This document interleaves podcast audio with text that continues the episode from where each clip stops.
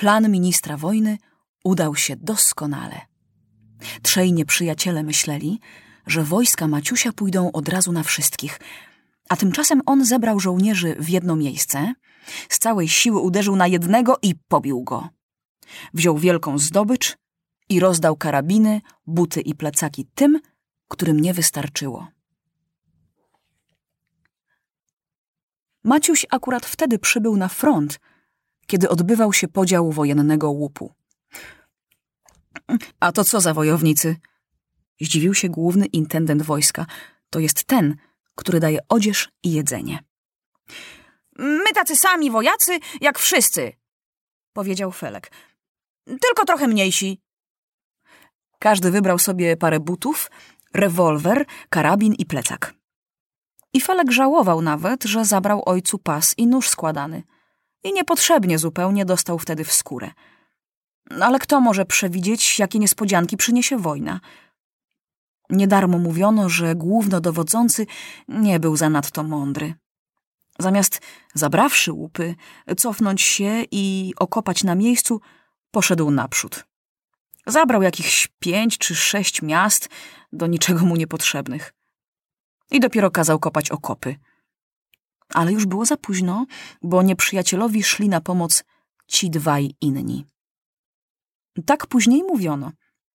Ale oddział Maciusia nie wiedział nic, bo na wojnie wszystko trzyma się w tajemnicy. Przyszedł rozkaz iść tu i tu. Przyszedł rozkaz, żeby robić to i to. Idź i rób. O nic się nie pytaj i nic nie gadaj. Kiedy weszli do tego zagranicznego, zwyciężonego miasta, Maciusiowi wszystko bardzo się podobało. Spali w wygodnych, dużych pokojach, co prawda na podłodze, ale zawsze to lepsze niż ciasna chałupa albo zgoła pole. Z utęsknieniem czekał Maciuś na pierwszą bitwę, bo do tej pory dużo ciekawych rzeczy widział i słyszał, ale wojny prawdziwej nie widział. Co za szkoda, że się spóźnili. W mieście stali tylko jedną noc, a na drugi dzień ruszyli dalej. Stanąć i kopać! Maciuś nie znał zupełnie nowoczesnej wojny. Myślał, że wojsko tylko się y, bije, zabiera konie i jedzie coraz dalej i dalej, tratując nieprzyjaciela. Ale że wojska kopią rowy, przed tymi rowami wbijają paliki z drutem kolczastym i siedzą w tych rowach całe tygodnie, ani się Maciusiowi nie śniło. To też nie bardzo chętnie wziął się do roboty. Zmęczony był i słaby, Wszystkie kości bardzo go bolały. Bić się to królewskie zadanie, ale kopać to każdy inny lepiej zrobi od niego. A tu przychodzi rozkaz za rozkazem, żeby się śpieszyć, bo nieprzyjaciel się zbliża. Już nawet słychać było z daleka strzały armatnie. Aż tu raz Wali samochodem pułkownik saperów, krzyczy, pięści zacisnął, grozi, że rozstrzela tych, którzy źle kopią. Jutro ma być bitwa, a oni nic nie robią. A ci dwaj po co tu? krzyknął w ostatniej złości. Co to za wali góra i wyrwi dąb? I mogła się cała złość pułkownika saperów skrupić na dwóch ochotnikach.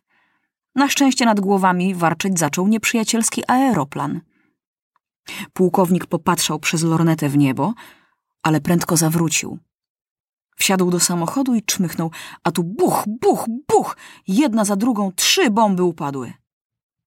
Nikogo wprawdzie nie zraniły, ale wszyscy powskakiwali do wykopanych rowów, bo tam było bezpieczniej. Bomby i pociski armatnie tak są urządzone, że w nich jest dużo kul i kawałków żelaza. I jak pocisk się rozerwie, wszystko to ze środka się rozsypie na różne strony i rani i zabija. A kto siedzi w dole, w rowie, temu nad głową wszystko przelatuje. Chyba, że pocisk w sam rów upadnie, ale rzadko się to zdarza, bo kule armatnie parę wiorst niosą i trudno akurat w rów wycelować z takiej odległości. Te trzy bomby wiele Maciusia nauczyły. Już nie dąsał się i nie buntował. tylko wziął za łopatę i pracował tak długo, aż wreszcie zmęczone ręce same opadły i jak kłoda zwalił się ciężkim snem zmorzony na dno samorowu. Nie budzili go żołnierze, ale sami przy świetle rakiet całą noc pracowali, a razem ze świtem spadł na nich pierwszy atak nieprzyjaciela. Pokazało się czterech nieprzyjacielskich jeźdźców na koniach. To byli ci, którzy ich szukali. Gdzie są, żeby wojsko uprzedzić. Zaczęli strzelać do nich. Jeden spadł z konia, pewnie zabity, a trzech uciekło. Zaraz będzie bitwa! wołał porucznik. Leżeć w rowach, tylko karabiny wystawić i czekać. Brzmiał rozkaz. Istotnie, nie za długo pokazało się wojsko nieprzyjacielskie. Zaczęto strzelać z obu stron, ale oddział Maciusia ukryty był w rowach, a tamci szli przez otwarte pole. Kule tamtych przelatywały nad rowem, nad głowami ukrytych żołnierzy. I tylko świst ich i brzęczenie słychać było, a tamtych gęsto kule raziły. Zrozumiał teraz Maciuś, że słusznie gniewał się wczoraj pułkownik saperów i zrozumiał, że na wojnie każdy rozkaz musi być wykonany szybko i bez niepotrzebnego gadania. Tak, cywile mogą sobie słuchać lub nie słuchać, ociągać się i perorować, ale wojskowy wie jedno tylko. Rozkaz musi być bez zwłoki wykonany, każde polecenie ściśle spełnione. Naprzód to naprzód, w tył to w tył, kopać to kopać. Bitwa cały dzień trwała. Nareszcie nieprzyjaciel zrozumiał, że nic nie poradzi, bo tylko traci ludzi, a dojść do nich nie może, bo przeszkadzają druty kolczaste. Więc cofnął się i zaczął okopywać. Ale inna rzecz kopać spokojnie, gdy nikt nie przeszkadza, a inna kopać pod strzałami, gdy zewsząd kule padają. W nocy co chwila puszczano rakiety, więc było widno. I chociaż mniej strzelano, bo zmęczeni na przemian strzelali i spali, ale bitwa dalej trwała. Hmm, nie daliśmy się, mówili zadowoleni żołnierze. Nie daliśmy się, telefonował porucznik do sztabu, bo i telefon zdążyli już przeprowadzić. Jakież więc było ich zdziwienie i gniew, gdy nazajutrz otrzymali rozkaz, żeby się cofać. Dlaczego? Wykopaliśmy rowy. Zatrzymaliśmy wroga. Możemy się bronić. Gdyby Maciuś był porucznikiem, na pewno nie posłuchałby rozkazu. To pewnie pomyłka jakaś. Niech pułkownik tu przyjdzie, niech zobaczy, jak dobrze się biją. Tamtych tylu zabitych, a u nich jeden tylko ranny w rękę, bo kiedy strzelał z rowu, wysuniętą rękę drasnęła nieprzyjacielska kula. Skąd pułkownik z daleka może wiedzieć, co tu się dzieje? Była chwila, kiedy Maciuś gotów był krzyknąć na cały głos. Ja jestem król Maciuś. Niech sobie pułkownik co chce rozkazuje, a ja nie pozwalam się cofać. Król jest starszy od pułkownika. Jeżeli tego nie zrobił, to że nie miał pewności, czy mu uwierzą i nie wyśmieją. I po raz drugi przekonał się Maciuś, że w wojsku rozumować nie wolno, a trzeba bezzwłocznie wykonać rozkazy. Przykro było rzucać z takim mozołem wykopane rowy strzeleckie, zostawiać nawet część zapasów, chleba, cukru i słoniny. Przykro było wracać przez wieś, gdzie mieszkańcy zdziwieni pytali się, dlaczego uciekacie? Już w drodze dogonił ich konny wysłaniec z listem, żeby szli prędko, bez wypoczynków.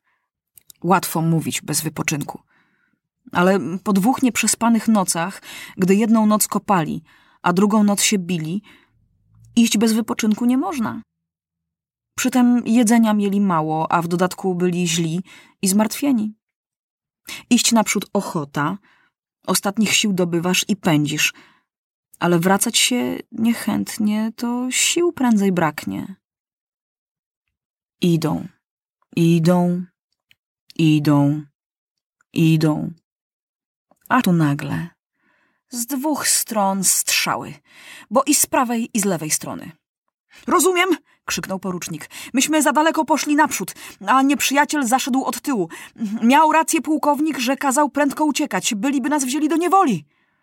Ładna historia, musimy się przedzierać, ze złością powiedział jeden żołnierz. Och, jak było ciężko. Teraz nieprzyjaciel siedział w rowach i strzelał z dwóch stron, a oni mieli uciekać.